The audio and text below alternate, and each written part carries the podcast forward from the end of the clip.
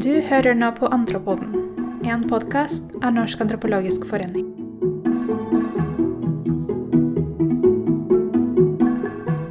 Ja, velkommen til eh, andre episode av Antropoden. I dag er vi så heldige å ha fått eh, med oss eh, Torgeir Kolshus, som er leder for seksjon på mangfoldsstudier ved Oslo OsloMet. Velkommen eh, hit til oss. Takk.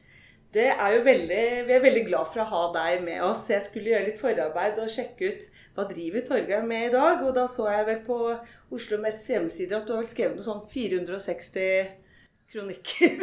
Ja, det ispedd en del sånne radiogreier og sånn. Typisk radiotryne. Ja, og da tenkte jeg bare Dette her er bra. Du er en veldig engasjert, det vet vi. Engasjert antropolog. Du er opptatt av å formidle antropologi, så vi, vi ser fram til denne samtalen. Det ligger like måte. Eh, og vi gikk jo på hovedfag sammen. Ja.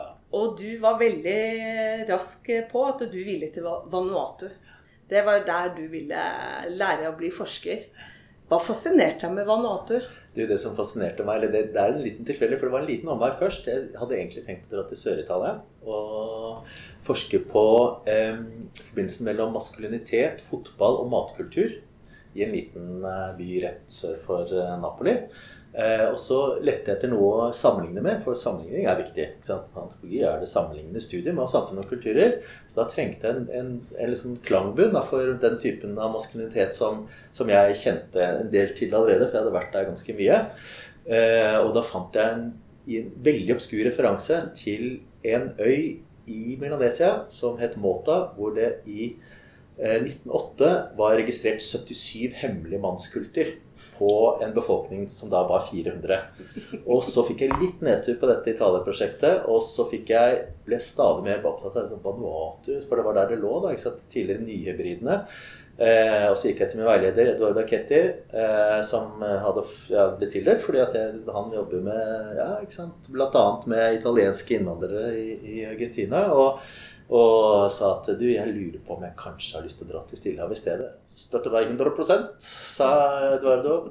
Og da var det liksom, da var valget greit. Og så prøvde jeg å lete fram litteratur om noe ellers. Det var veldig lite. Og det som fantes, var stort sett skrevet på fransk, som jeg nå i koronatiden har forsøkt å tilegne meg, men som da jeg ikke kunne noe særlig av.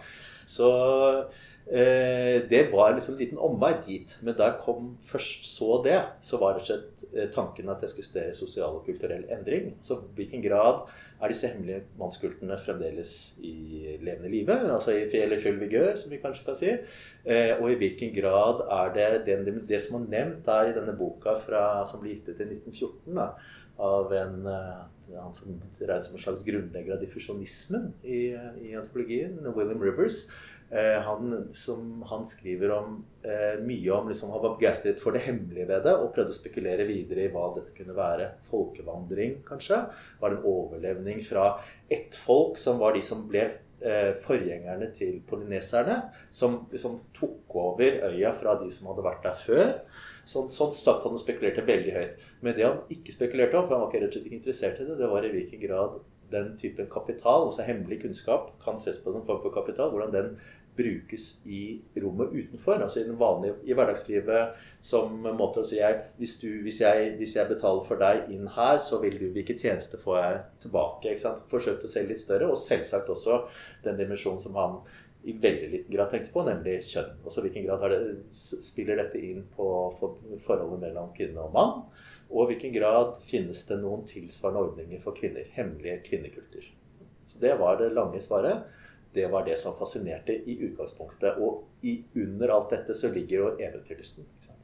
Eh, for jeg hadde Jeg begynte å ramle liksom baklengs inn i antropologien. Det var ikke sånn at jeg hadde, det var liksom tilfeldig. Og hvis, hvis antropologi hadde begynt ja, jeg hadde ikke blitt gift med kona mi hvis antropologien hadde begynt to ganger i år i stedet for én, som var tiden da. Og, så det var masse tilfeldigheter som, uh, som, spilte inn. Men, men etter hvert så skjønte jeg at fy søren, for et kult fag. Og for et fag som, som uh, lærer Altså liksom pirker i det som ikke bare er sånn overflaten, ting vi regner med at vi kan få gjort noe med, eller som vi kan diskutere, men bare stille spørsmål. Altså, ok, nå står vi her midt på grunnkjelle. ikke sant? Altså, må, vi kan fremdeles stille spørsmål men hva er under her? ikke sant? Kun, alt kunne vært annerledes. Det er det som er som, som jeg blir sittende igjen med da, ikke sant? I, I løpet av hvert fall det første halvannet året av antropologi med gamle mellomfaget. Kan man spørre kort hvordan var det, var det noen kulter? Ja. Og superinteressant. Ikke sant? Og det kunne jeg ha svart snakket i timevis om. Et av de tingene jeg jobber med nå, en av de jeg jobber med nå er å skrive en bok om sjelen. Hvordan sjelen uh, har uh, Denne lille øya Og det er veldig, rart at ikke noen har vært der siden, for denne lille øya var, har vært veldig viktig i antropologiens historie. Uh, Durkheim bruker den til å utvikle en del av sin tanke rundt, rundt totemisme, som Claude Lévi-Strauss i sin tur tar ut som den ene av fire arketyper av totemisme. Eh, alle de store antropologene frem til 1960 har en eller annen form for referanse til Robert Cobrington, som var den eh, misjonære antropologen. En av de mest begavede menneskene jeg vet om, som jeg har vært så heldig å få jobbet mye med arkivene til, og som kunne språket på den øya, og som nå jeg bare kan lese. Altså, det er bare jeg som kan lese brevene han fikk tilsendt. Nydelige brev fra hans sine gamle melanesiske studenter som ble sendt fra tilværelsens uh, utfordringer og gleder og sorger. Uh, og de ligger i arkiver litt rundt omkring, stort sett i England. Og der, er det, der får liksom innblikk i et liv av melanesiske anno 1860, og det er utrolig rørende. Mm. Så det er sånn, sånn det, ja, det, så det, det, det, er sånn underlig at ingen hadde til, til, vært der før jeg kom dit i 1996, siden da liksom 1908, og knapt nok egentlig da. Men eh, ja, hva, var spørsmålet?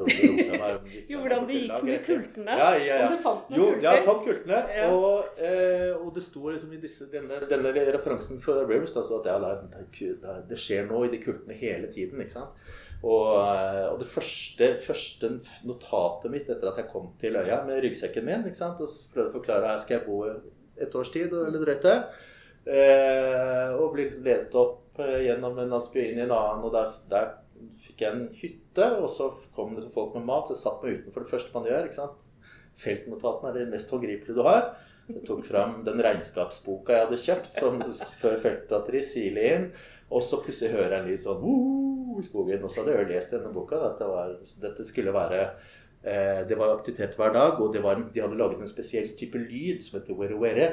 Og da liksom skrev jeg notat Å, nå hører jeg forresten where, where, så, så var det selvsagt en ugle. ikke sant? Det fant jeg ut en uke. Så liksom jakten på Og jeg var også såpass uheldig da at jeg hadde lest eh, min eh, gode venn og senere, senere veileder Arve Sørums beskrivelser av initiasjonsritualene på, hos bedamene i folket, som eh, består av en form for ritualisert homoseksualitet. Der hvor små, yngre gutter for å få sæd må suge yngre menn. Ja. Og det virker hver gang. Så jeg var jo eh, Etter en ukes tid så hadde jeg først fått dengefeber.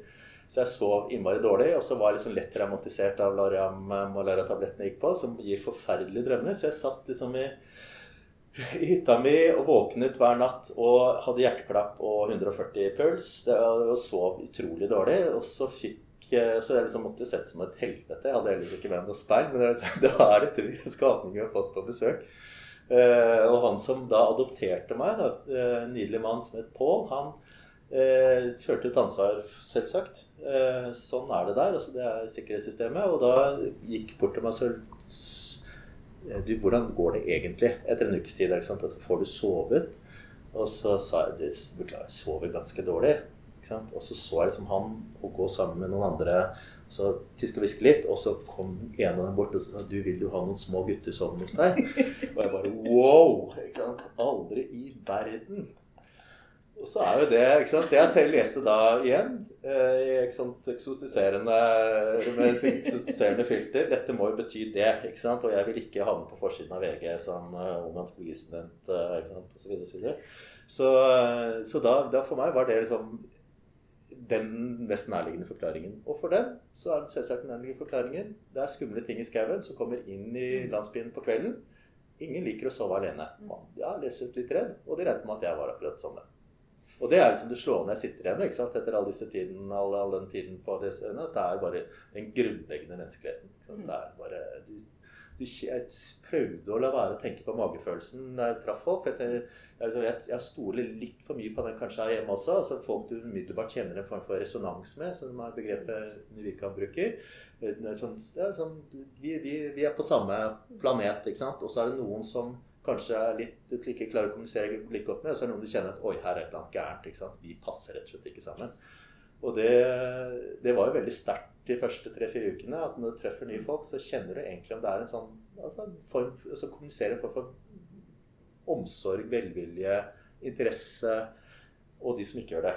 Men det er liksom det, nei, det gjelder ikke. Dette er, dette er på den andre siden av jordkloden. ikke sant? Her er det andre ting. Altså, og så viser det seg jo stort sett å være sånn én til én. Mm. Det, det, passet helt perfekt. Og det er jo, kan si, det er jo selvbekreftende. For mm. jeg også utstråler en, den, samme, mm. den samme mangel på innlevelsesevne. da, ikke sant? Men uh, like fullt, det, det er veldig interessante ting. Så det, det var liksom til, tilbake til disse hemmelige mannskultene. Ja, de fantes. Men det tok et halvt år før jeg så noe som helst av det. Mm. Så jeg ventet at det skulle være en mm. veldig veldig viktig del av folks hverdagsliv, mm. og det var det ikke. Men det er en superviktig del av deres rituelle liv, og også en veldig viktig del av deres mm. identitet utad.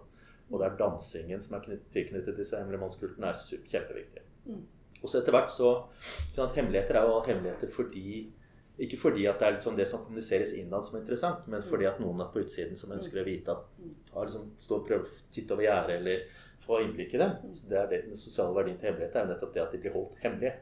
Og så kommer man på innsiden, som jeg kom etter en stund, og da skjønner man at det er ikke mye det er ikke, det er ikke de store hemmelighetene det er snakk om, men det er kjempegøy ikke sant? For å liksom være en del av et fellesskap. fra noe fra du er sånn 10-12 år gammel, mm, mm. til å lære deg til dansing og lære deg reglene som gjelder for livet inni disse, de hemmelige, disse, disse kultstedene og sånn.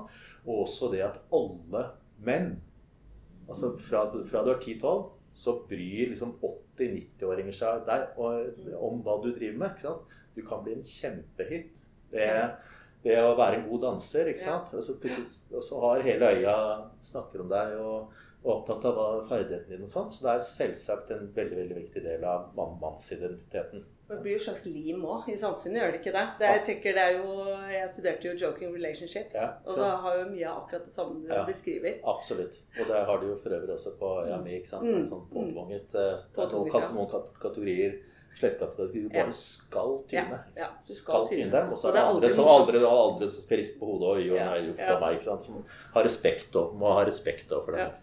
Så det er, det, er, det, er, det er, et fantastisk eh, mm. system sånn sett, som sørger for nettopp en, det, samfunnslivet. Mm. At uh, folk liksom engasjerer seg hverandre i, i, i hverandre. Mm. Og så har man selvsagt også da, den, den, andre kjønnsdimensjonen. Og mennene og guttene og mennene driver opptatt av hva som skjer i tabuhusene, og til er liksom borte en ukes tid for å trene på dansing og sånn inne i skauen. Mm. Så har alle kvinnene og jentene Eh, samlinger inne, mm. inne i landsbyene. Mm. Og, og, og, holder på med ikke sine ting, for det, er ikke, det, liksom, det, det høres litt, uh, høres litt sånn dølt ut å si, men er de, er, der er, der, da er det unntakstilstand for alle. Og det er en, en tid for, for, veldig mye litt mye spenning, for det er farlige ting som beveger seg rundt omkring, men også veldig mye kos og et avbrudd fra det hverdagslige ja. som vi alle trenger.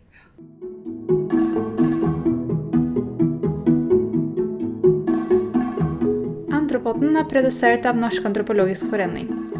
Følg med på Norsk antropologisk forening på hjemmesiden antropologi.org, det er antropologi.org, og på Facebook.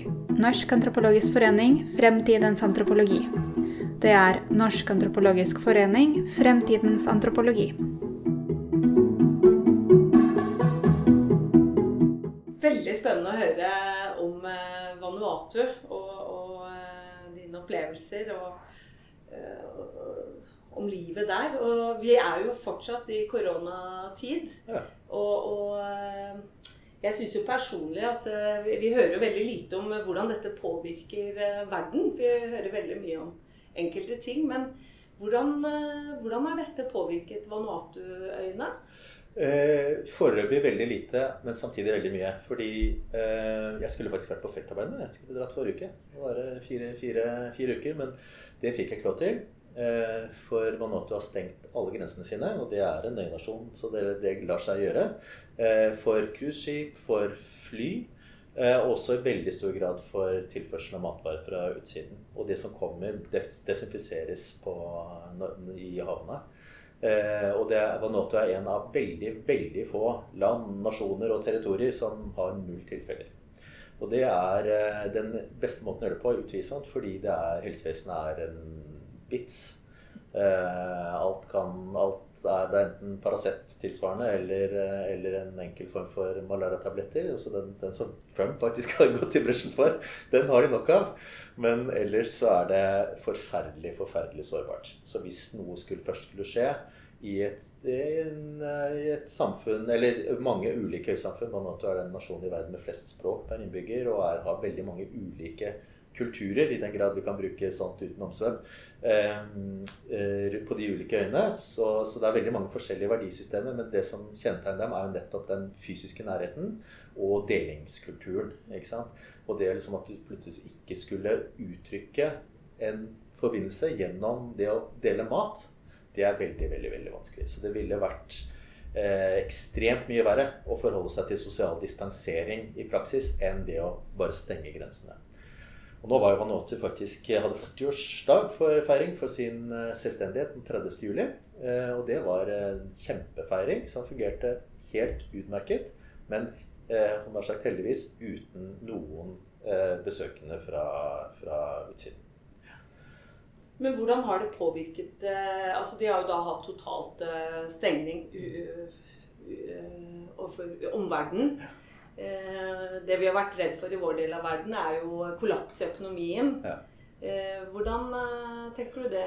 Hvordan har det påvirket å gjøre denne type tiltak ja. der, da? Også altså, økonomi er jo det er kanskje den, der Jeg tenkte jeg et av de tre feltene tenker jeg, i tematiske feltene hvor antropologi har mest å bidra med i studiet av økonomi. Vareøkonomi, som ikke bare er, ikke kan regnes i, eh, i bruttonasjonalprodukt delt på hoder, men som kan regnes i en mye bredere forstand. Og her er det absolutt Jeg tror nok bruttonasjonalproduktet har kollapset fullstendig.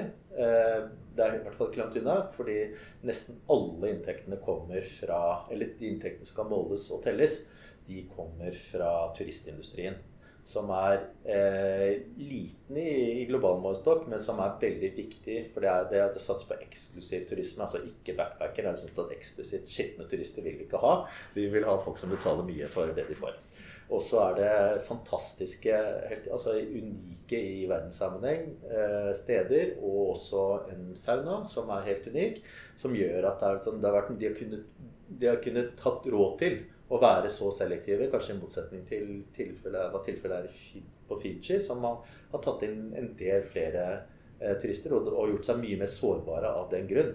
Og det som er slående nå, er selv, selv om da denne kanskje ja, de 10-15% som, som er avhengig av lønnsarbeid, som, hvor halvparten omtrent er knyttet til turistindustrien, og resten er stort sett lærere og, og byråkrater, eh, de har også klart seg veldig bra. Mens de som da ikke har vært avhengig av en, av en eh, betalt inntekt, de har jo nesten ikke merket noe som helst. Rett og slett fordi at dette er, er subsistensjordbrukere eller hagebrukere. Altså de dyrker akkurat det de trenger for sitt eget livsopphold. Og så er det du kan si at Ulempen ved en sånn måte å engasjere seg på Vanuatu er det, den nasjonen i verden som er hardest utsatt av naturkatastrofer. Det ligger midt i syklonbeltet. Det er, ligger også i det som kalles eh, eh, stillehavsildringen. Altså det er masse jordskjelv, vulkanutbrudd eller trussel om vulkanutbrudd som medfører at øyer må evakueres med jevne mellomrom. Eh, og veldig senere år utsatt for tørke, El Niño Eh, perioder. Begge de to første feltarbeidene samfalt faktisk med en lignende periode. Så det var ikke noe vann igjen på øya i de siste tre månedene av begge de to. Eh, dette her er med, og selvfølgelig det som er vanskelig spørs med tanke på å dyrke jorda. Alt dette er nå en styrke. For det gjør at man ikke trenger Altså, det har ikke vært rasjonelt å planlegge for fremtiden. I den forstand vi snakker om fremtiden som, en, som et hav av muligheter. Det går ikke an å manøvrere seg fra det ene til det andre. Eller at det som, skal bli dette eller dette eller dette. Hva skal barna mine altså er, det, er det fornuftig å investere i barnas utdanning? Og ut, betyr skole et, utover syv år. Skal, skal jeg bruke liksom hele husholdets inntekt på ett barn? Med veldig stor risiko for at dette faktisk ikke blir noe av. For når neste syklon kommer, så er alle inntektene mine borte. Skal jeg bygge dette huset, skal jeg bygge det solid, det er likevel ikke solid nok til å kunne eh, motstå trykket fra en kategori 3-4-5-syklon. Så det er så, også alt det dere tenker opp som liksom bygge langs, en, en, eh, ja, en skigard, steinmur. ikke sant? Den står, som du, Det er et hardt arbeid, men står i liksom mange hundre år. Du investerer i ikke bare dine, dine, din fremtid, men også dine barns og etterkommeres fremtid. Her er ikke det en rasjonell måte å forholde seg til dette på. Og det gjør at tanken om utvikling som en sånn ens, en, ensrettet vei, rett og slett fra, fra, noe som er relativt mindre teknologisk eller mindre avansert, til mer, den tanken er, eh, har de fått vist gang på gang. Den, den, den er ikke empirisk eh, gjennomførbar, rett og slett fordi at virkeligheten forteller noe annet. Dette er veldig interessant, Torgeir. jeg tenker eh, Når du forteller om måten de organiserer seg mot uh, naturen, uh, livet, så, så, høres det ut som altså, profesjonelle, resiliente ja. mennesker. Ja. Som uh, store deler av Altså som en måte å drive beredskap på. Ja. Som er veldig annerledes enn det vi tenker her.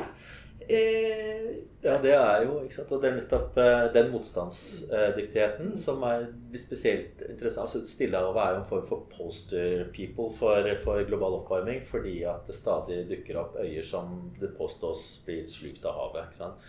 Eh, dessverre så er alle de falsum.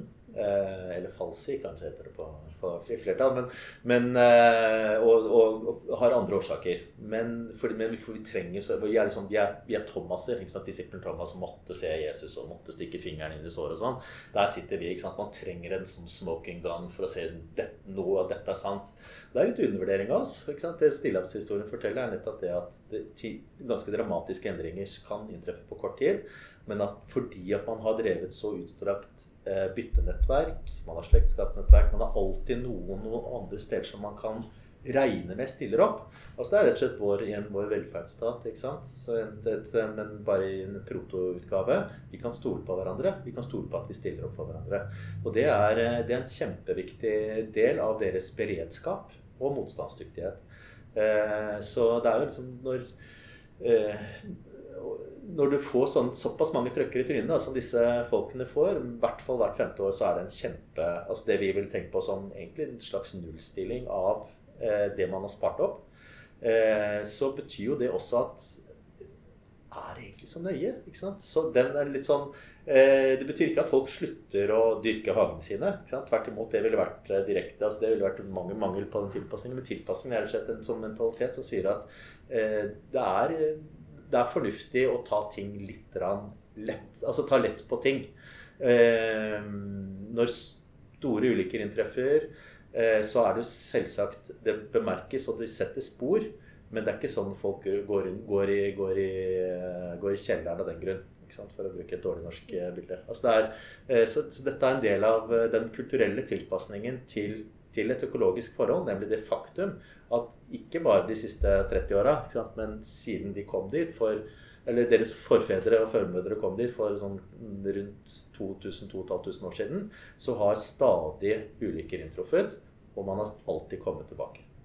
Dette er også litt i tråd med det Marianne Lien sa i første episode, med hvordan hytta har vært eh, viktig ja. i norsk historie for selvberging. Ja. Og for individet å ta ansvar over en vanskelig situasjon. Og, og, eh, ble jo da stoppet i vårt tilfelle av staten, som kom på TV hver dag klokka syv og fortalte hvordan vi skulle oppføre oss. Jeg tenker, eh, hva, hva, hva kan vi lære av eh, Vanuatu og deres profesjonalitet i å håndtere dette som en kultur? Hvordan kan vi bringe dette her hjem? Jeg vet du har vært litt opptatt av å snakke litt om hva gjør korona med oss her hjemme? Jeg, jeg tror vi har vært nærmere en Vanuatu-organisering rent kulturelt enn det mange andre europeiske nasjoner har vært. Og det er fordi at vi har tillit til staten. Eh, staten er oss. Vi føler oss i mye større grad representert. Vi føler at eh, vi, vi stoler på folk vi ikke kjenner. Vi stoler på at byråkrater gjør jobben sin, og vi stoler på at helsemyndighetene vet hva de driver med. Eh, og, og, så kan man si at nei, og Mye av årsaken til at vi gjør det, og fortsatt gjør det, er at de innrømmet feilbarlighet i første omgang. De innrømmet at de hadde undervurdert spredningen, de innrømmet at de undervurdert konsekvensen av viruset. Kanskje også hvilken grad den, man ville få alvorlig bivirkning. Ikke bare, altså Dødstallet var én ting, men at det å For, mange så er, så er, dette muligens livsødeleggende. Eller i hvert fall altså det var den funksjonsnedsettende på, på livstidsbasis.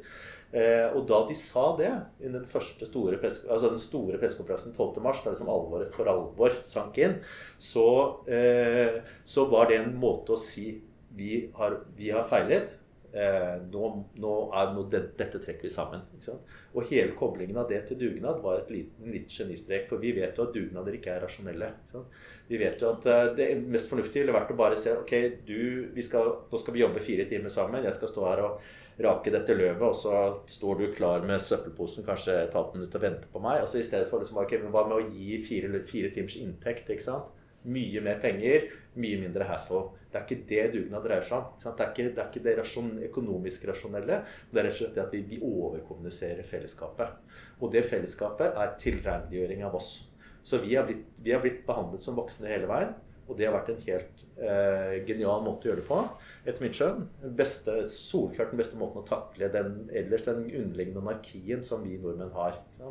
Eh, og det er nettopp den det, dette at vi har kunnet spille på hverandre, det er en ikke så vesensforskjellig Altså ikke vesensforskjellig, ikke så, ikke så forskjellig fra den måten man kunne gjøre det i Vanuatu. Hvor de som da har mistet jobben i turistnæringen, de har alltid, selv om, selv om og i det tilfellet ingen har, har de ikke bodd på øya noensinne. altså De er født i, i hovedstaden, men de har en mor, for dette er et matrelinjert samfunn eh, i nord, nord i Vanuatu, eh, har de en mor som som har eh, en slekt som har jord på Måta, og da kan man alltid dra tilbake dit og vite at man blir tatt vare på. Og det er den sant, Når vi sitter altså nærings, den eh, støtten til ulike typer næringer som vi har sett nå Det er, liksom, det er, det er, det er Vanuatu-formen for dette. I stedet for skattlegging så er det tilregneliggjøring av den enkelte vis-à-vis den enkelte. Så man har relasjoner, og man har, man har et sikkerhetsnett. Og vi har også eh, sikkerhetsnettet, men mange tror liksom at det, det er blitt gjort upersonlig gjennom staten. Og sånn er det ikke. fordi vi føler nettopp det eierskapet til staten. Den representasjonen som mange folk lenger sør i Europa, og også i for seg også i enda større grad andre steder i verden, hvor man ikke har den erfaringen av staten som velgjører, nesten tvert imot. Eh, er, den er en helt unik kapital og en enorm verdi også i, i penger. Altså. Hva har eh, denne tiden gjort med oss. Jeg vet du har eh, brukt litt tid på å tenke litt rundt det i ja, det siste. Altså, det er noen, noen, noen av de åpenbare jeg, jeg, har sett mange gå høyt, eh, bl.a. vår gode kollega Thomas Hill Henriksen, og pekte at dette, liksom er, dette, kan, dette er, eller vil, vil bli et avgjørende eh, øyeblikk i vår, altså hvordan, hvor ferden går videre. Altså, og jeg, jeg, jeg, deler langt på vei den oppfatningen. Dette er i hvert fall et felles referansepunkt, og kanskje også et globalt referansepunkt. Det er sånn, litt sånn i, kanskje vel så stor grad som andre verdenskrig var. Altså Såpass, såpass, såpass sammenvevet er vi.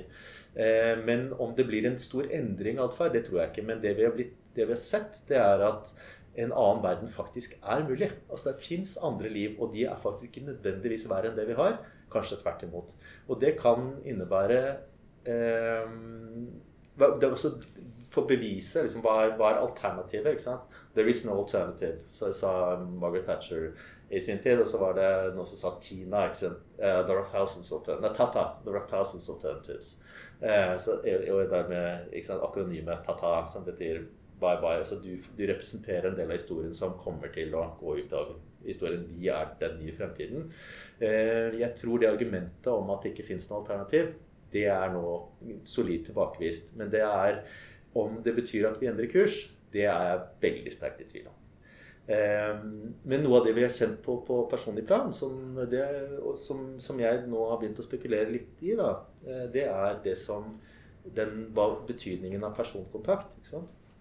Og som vi har sett Altså, jeg har hatt forelesninger på, på Zoom og på opptak, og det er katastrofe.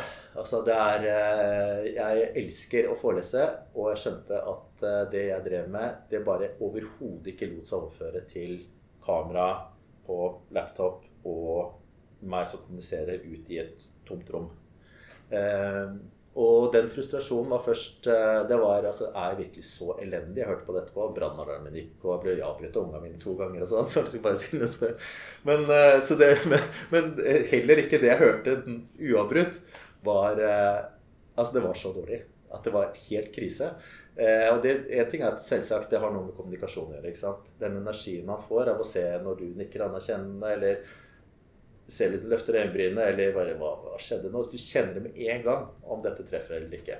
Så vi har blitt fortalt, vi som har jobbet med For jeg har forelest i ja, 25 år snart.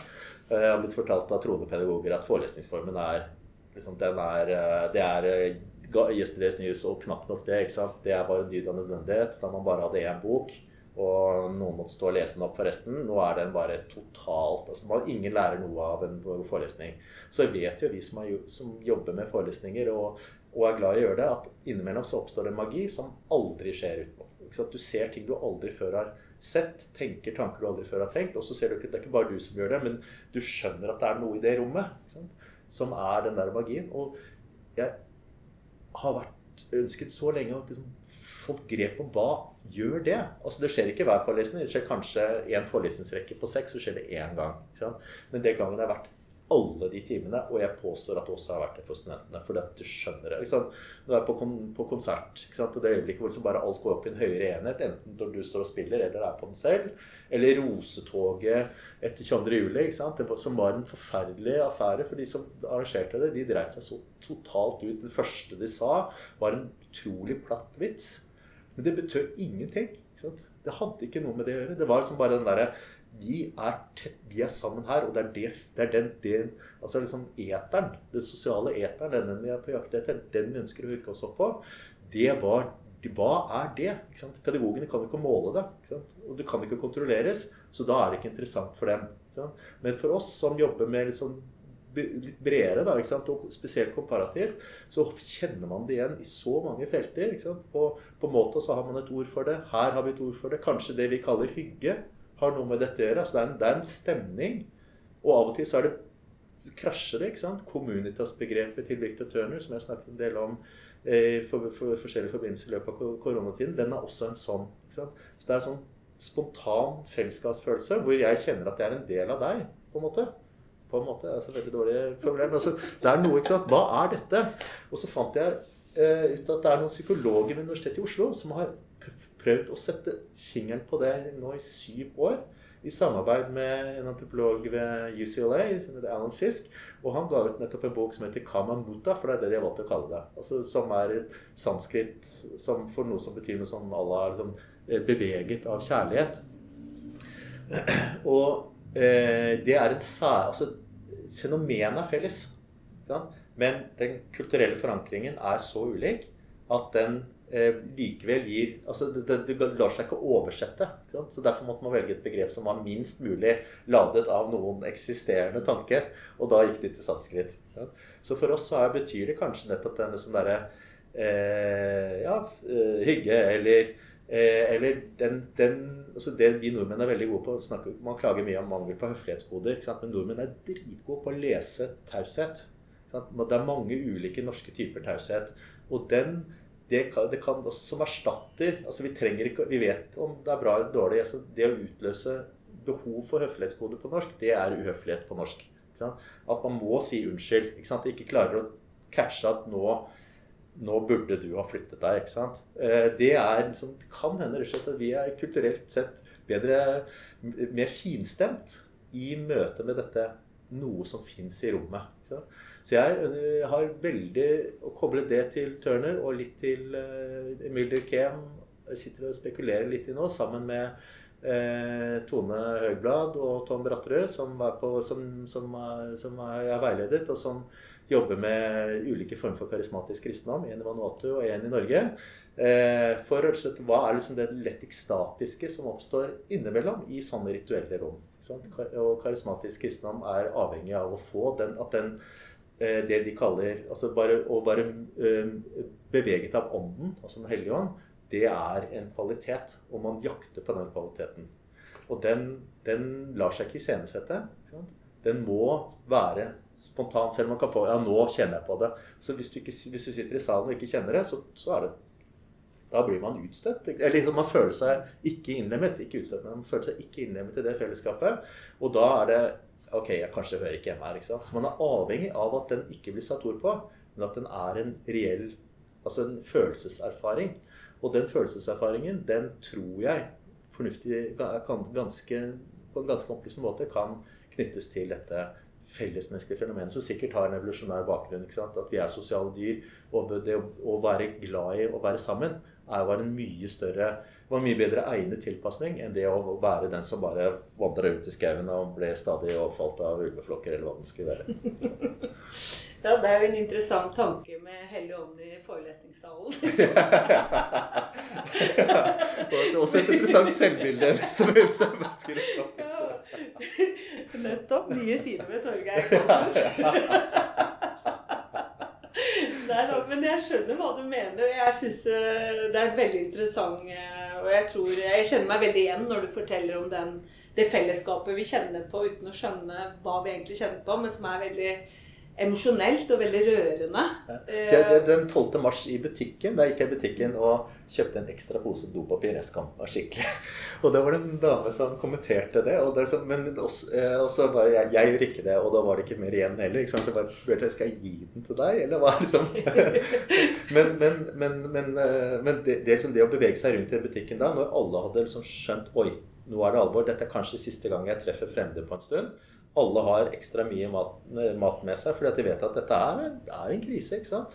Og så var det liksom, det, Vi hadde jo både omsorg for hverandre, og samtidig så var det sånn eh, aktsomhet. ikke sant? Så liksom avstand, men samtidig veldig Jeg ønsket å kommunisere da, et ønske om at jeg, eller et ønske å kommunisere eh, en tanke om at jeg, vi hører sammen. ikke sant? Jeg, du og jeg er ute i samme ærend. Og vi trengte ikke å si noe om det, men det var, det var nesten så man kunne liksom det, det, var nesten som kunne ta på det. Og det har jeg aldri opplevd i en butikk før med vilt fremmede mennesker. Og jeg, jeg, jeg, jeg, har delt den erfaringen med noen andre, og de har snak, snakker om det på akkurat samme måte. Nå er det alvor. Men hva er det som er i den lufta? Kjempespennende. Og, og for oss som studerer mennesker, så er det en sånn helt sånn avgjørende et, liksom, Det er en gåte. ikke sant? Og det er en gåte som vi er bedre egnet til å forklare enn noen andre. Mm. Ja, det, det, tror jeg også. Og det er, for det handler jo om relasjoner mellom så mange. Ja. Så det, nei, dette gleder vi oss til å følge. Ja, og altså, prøve å koble til ja. altså, teknologiangstangsten. Ikke sant? Det at vi, mange lærere føler eh, er redd for å bli stemplet som, som låst i fortiden. Og at de derfor liksom ikke gjør opprør mot, uh, mot avbokifiseringen av skolen. Mm. Og som tenker at digitalisering Ok, De vet at det, er, at det, er, problematisk, men de tenker at skylda er min for at jeg ikke klarer å sette meg nok inn i disse nye digitale verktøyene, og læremidler har ikke tid i en stresset skolehverdag til å gjøre det sånn. Så jeg ønsker å gi dem litt ryggdekning, for det er noe helt særegent ved menneskelig samkvem. Og menneskelig læring har alltid foregått eh, i, fra ett menneske til et annet uten noen medierende mellomledd. Og det er, betyr ikke at vi ikke kan ta, dra nytte av nye ting, men det betyr at man skal lytte til folks skepsis. For den er ofte begrunnet, og den er i hvert fall erfaringsbasert. Jeg tenker på det, når Hver gang jeg går en meter forbi noen, så føler jeg at jeg er et godt menneske. Ja. For deg, liksom. Altså At jeg har et veldig sånn konkret i hodet mitt relasjon til den jeg går forbi. Ja. Eh, mens før bare gikk man og så ned noe, eller eh, konkretiserer relasjonene veldig. Ja. Og så er det liksom den derre den lengselen etter eller sånn, sånn. Eh, samkvemsbegjær. Ja, altså, ja, det er sånn, ja. Som vi ser nå sant, med fester og mm, Jeg skjønner det kjempegodt at folk har lyst til å Eller at uh, unge mennesker har lyst til å treffe hverandre på og tenke litt For, for vi har blitt fortalt at det, liksom, det å ta hverdagen tilbake er, er liksom, Vi krafser til oss litt mer og mer, stadig mer av det normale. Og vi eh, her i Norge er ikke vant til å tenke om historien som noe annet enn egentlig en marsj til det bedre. Så er, sånn sett så er vi kulturelt litt dårligere stilt. Da, kan si. For vi, det, er liksom det, jeg, jeg, jeg, tror ikke at vi, er, vi, har hatt det tøft nok til at bølge nummer to, hvis, og med all sannsynlighet når den kommer, at, den vil, eh, at vi er godt rustet til den. Eh, for alvoret har liksom ikke helt likevel altså Vi har ikke kjent det så til de grader på kroppen som mine kolleger eh, i Frankrike og, og ikke minst i, i, USA. Så jeg har to, to, to, to gode stillehavskolleger i New York som har måttet ha vært inne i fire måneder eh, på en 50 kvadratmeters leilighet. Med to katter i det tilfellet, en andre sammen med to barn og, og ektefelle. Fire stykker på 50 kvadrat uten å kunne gå ut. Altså, det er jo virkelig et eh, vi, Når vi snakker om eh, altså en fengselslignende tilværelse, det er jo ingen tvil om det. I tillegg til at den fengselslignende tilværelsen ikke har noe frirom. Det er ikke noe ute der. Eh, for det ute, det er skummelt. Og den opplevelsen har vi knapt ant. Altså Nesten ikke noe mer enn når vi har lekt med tanken. Vi liksom tenkt at ok, nå er det noen som er litt syke rundt oss, eller nå, nå snufser jeg litt, og så får jeg se liksom, Da holder jeg meg innendørs og kanskje ser en Netflix-serie, jeg ser Sopranos på nytt, eller uh, Det er uh, mens, mens, den realiteten altså når, når, du etter så lang tid uh, fremdeles ikke, ikke er noen lysning i, horisonten, det er ganske heftig, altså. Og når vi snakker om New York og, og USA, og i denne koronatiden så kom det også en eh, annen veldig stor hendelse med politivold, eh, som jo det er ikke er noe nytt i USA, men eh, hvor nettopp denne Black Lives Matter-bevegelsen fikk en voldsom oppblomstring igjen, om man kan si det sånn. Og dette her har jo mange antropologer også engasjert seg litt i, i forhold til begrepene som blir brukt, og dette her med rasebegrepet som står veldig sentralt i USA, og som eh, mange, inkludert deg, eh, ser på kan være litt skummelt å oversette direkte til en norsk kontekst. Kan du si litt om dette? Ja, altså det, det, er først og fremst Det som bekymrer meg, da, for nå, nå tar jeg på meg den alvorsmasken helt og fullt, det er at uh, det er en dynamikk her. Fordi uh, antropologi etter hvert er blitt nesten Altså all, de mest prestisjetunge tidsskriftene er amerikanske. Eh, og veldig mange av de samme forlagene og det overveldende flertall av profesjonelle antropologer holder til i USA. Og det betyr nødvendigvis at det må være en form for kulturell liberalisme på gang her. Altså de, selv om veldig mange amerikanere er kjempeflinke til å se seg selv og sitt samfunn utenfra, så er det allikevel noe av den samtalen du er en del av, som blir internalisert. Så er det noen begreper som rett og slett fester seg, og som det er vanskelig å se, se seg selv som Se at kunne vært annerledes. Altså Det antropologiske blikket. At alt kunne vært annerledes. Men noen ting er liksom så, så innlysende at sånn er det bare.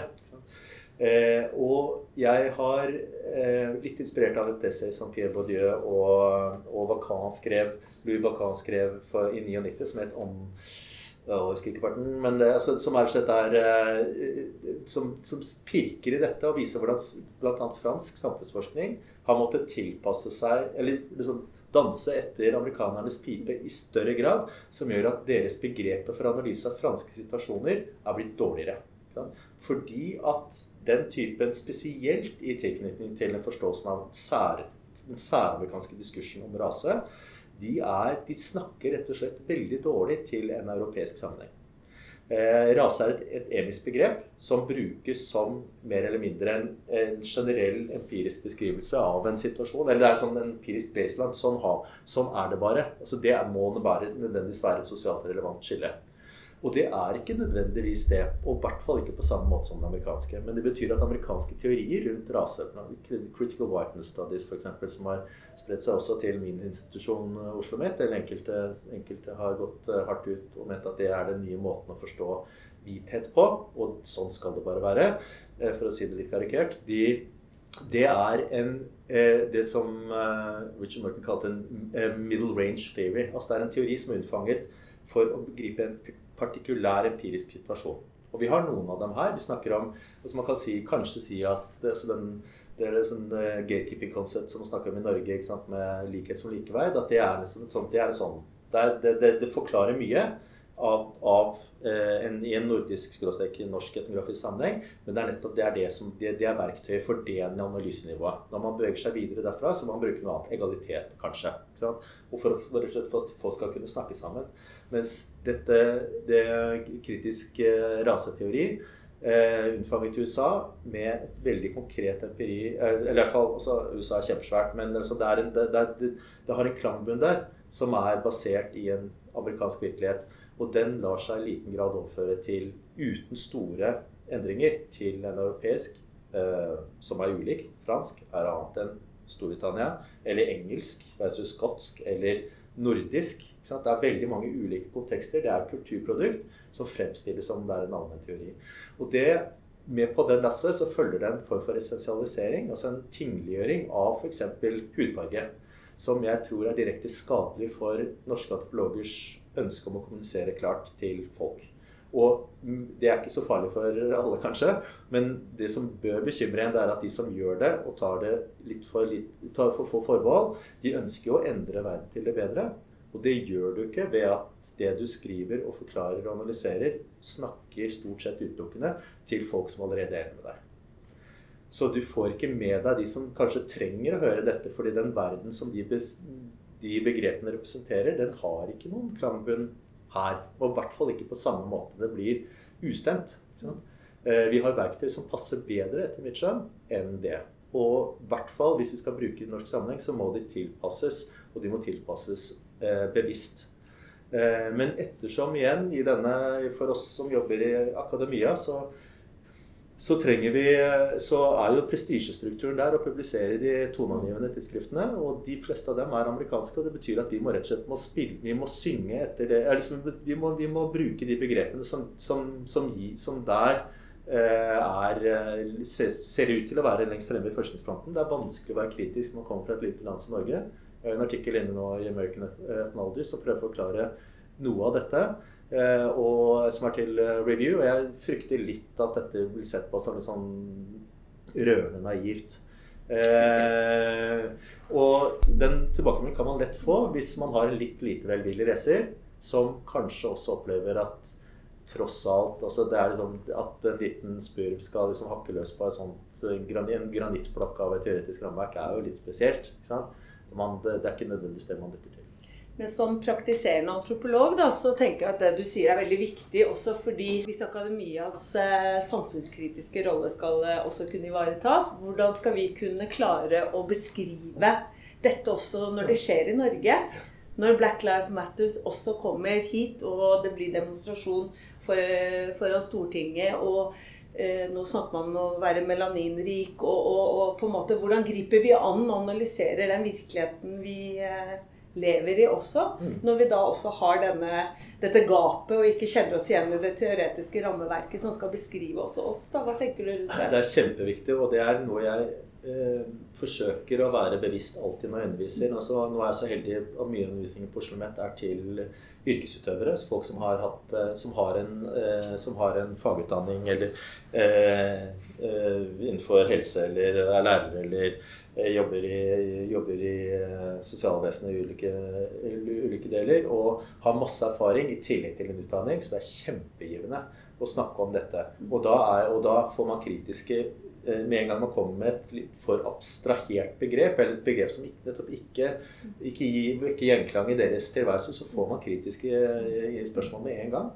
Det er utrolig viktig. ikke sant? Og da ser du altså dette her, altså det, det faget som er nærmest virkeligheten. Vi er det. Ikke sant? Og da må også begrepene våre gi en, være en altså Det er det som er, det, det er, det som er eh, har den lille vetoretten. ikke sant? Altså Gir det sens, forklarer det noe bedre enn noe annet, så bruker vi det. Hvis ikke, så må vi forkaste det. Det, eller i hvert fall endre på det, og, og være, være, åpne for at nei, det empiriske overstyrer dette.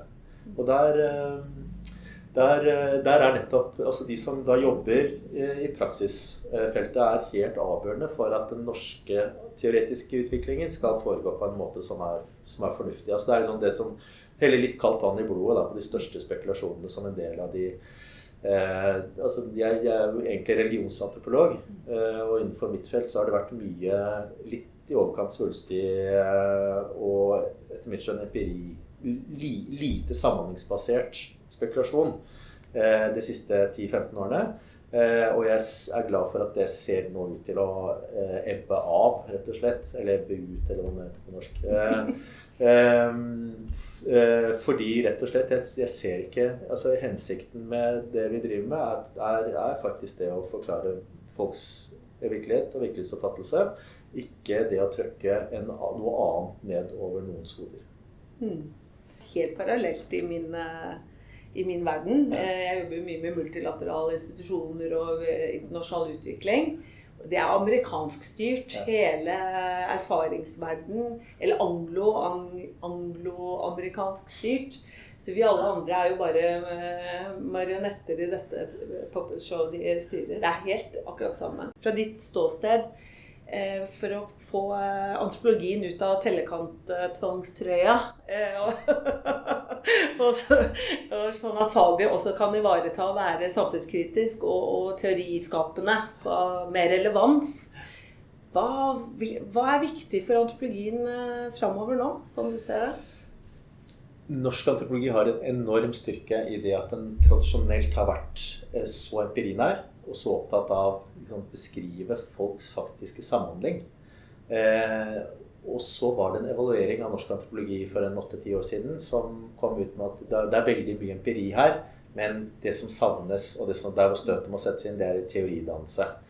Og jeg er ikke sikker på om det var en like vellykket, uh, like vellykket altså, Om det var blir kommunisert tydelig nok at styrken må vi ta vare på.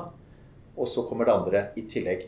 Mm. Så jeg har vært engstelig for at mye av den, eh, at den eh, Altså vektleggingen av samhandlingsbaserte data eh, ikke blir overført til en ny generasjon antropologer. Eh, og det vil være tragedie, ikke først og fremst for norsk antropologi, men for eh, samfunnet og for verden. fordi at den innsikten, den typen kunnskap vi sitter på, er viktigere nå og vil bli enda viktigere i fremtiden enn noensinne før. Knyttet, altså De store spørsmålene fremover vil være klima, eh, klimaendringer og tilpassinger til det. Det vil være migrasjon og migrasjonsspørsmål og integreringsspørsmål. Og der har vi, altså, og det er, liksom, det er ikke bare jeg som sier som en liten nærsynt antropolog. Det er alle de som jeg har vært så heldig å samarbeide på tvers med på Oslo Met de siste tre årene. De sier akkurat det samme. Det vi trenger, er det, er det dere kan best. Og det er langvarige studier av hvordan folk faktisk eh, føler seg. Det, hva folk sier, er ikke så altså Det er interessant, men det, hva folk sier, betyr ikke at det er det de gjør. Og det, vi, det, det, genuie, altså det man får gjennom et feltarbeid, det er at man ser liksom både hva, hvordan folk ønsket at det skulle være, og så hvordan folk egentlig oppfører seg. Og den, i spennet mellom idealer og realiteter så er den alt det vi trenger å vite for hva som faktisk skjer. Og det er den, det vi kan bringe til torgs. Og det øyeblikket vi ikke gjør det lenger, så er vi verken gode antropologer, vi ikke, og vi er ordentlig dårlige sosiologer, og det er ingen systematikk i kunnskapen vår. Så for at eh, Altså det er litt sånn Jeg, jeg føler meg som gammel. Jeg, jeg, blir 50 neste år, så jeg er jo en, en, absolutt over middagshøyden. Men eh, jeg føler meg alltid mye eldre når jeg sier sånn. For at dette er liksom den leksa jeg fikk høre da jeg begynte på antropologi i 1994. Eh, men jeg har ennå ikke sett noen gode argumenter til hvorfor det ikke bør være god latin. Så når de studentene som jeg veileder og har veiledet, har fått streng beskjed om at det er sånn samhandlingsdata er gullstandarden. Eh, og det får man ikke når man sitter og snakker én til én nødvendigvis. Det er et supplement, og det er komplementære data. Men hvis du har gått glipp av alt det som faktisk Når, når idealene utøves, de situasjonene, og når, når folk må sjonglere mellom to prinsipper Og det er jo for mange av oss, og det vet vi veldig godt, så er det ofte, ofte en, det, det reelle. At man liksom ikke klarer å man prøver å holde, holde to standarder oppe på en gang som ikke alltid lar seg forene. Hva gjør man da? ikke sant? Kjempedilemmaer. Hvordan skal slutte liksom, Ok, nå, nå, nå, skal man la være å fly. ikke sant? Eh, og velge bort å se en nær slektning eller god venn eh, fordi at man følger prinsippene sine. De var, altså, hvilke moralske overveininger er det det som skjer nå? Det er liksom i, i, på, på mikroplan, der sitter alle mennesker rundt hele verden. Og da ikke nødvendigvis med fly, men altså sånne når man forsøker å få liksom, verden til å henge sammen. I en verden som kanskje som består av noen prinsipper som ikke er forenlige. Der har vi helt unike data, og det må vi fortsette å ha. Tusen takk, Torgeir, og takk for at du delte alt dette med oss. Og lykke til med å opplyse verden og finne god kunnskap som kan bringe verden videre. Takk.